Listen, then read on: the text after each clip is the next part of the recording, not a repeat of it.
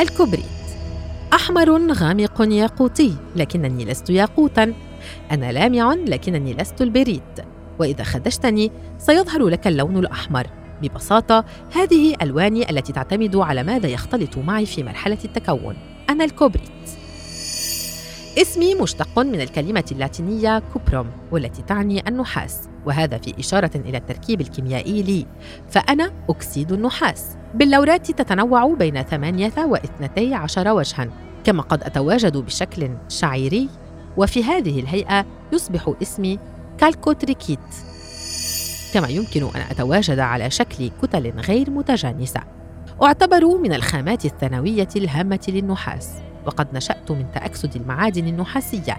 لذلك أتواجد في الأجزاء العليا المتأكسدة من المناجم وأكون مصاحبا لمعدنيات النحاس الأخرى مثل الأزوريت. أتواجد عموما في الكثير من المناطق حول العالم وأهم هذه المناطق فرنسا وإنجلترا كما أتواجد أيضا في المجر وتشيلي والبيرو وأستراليا.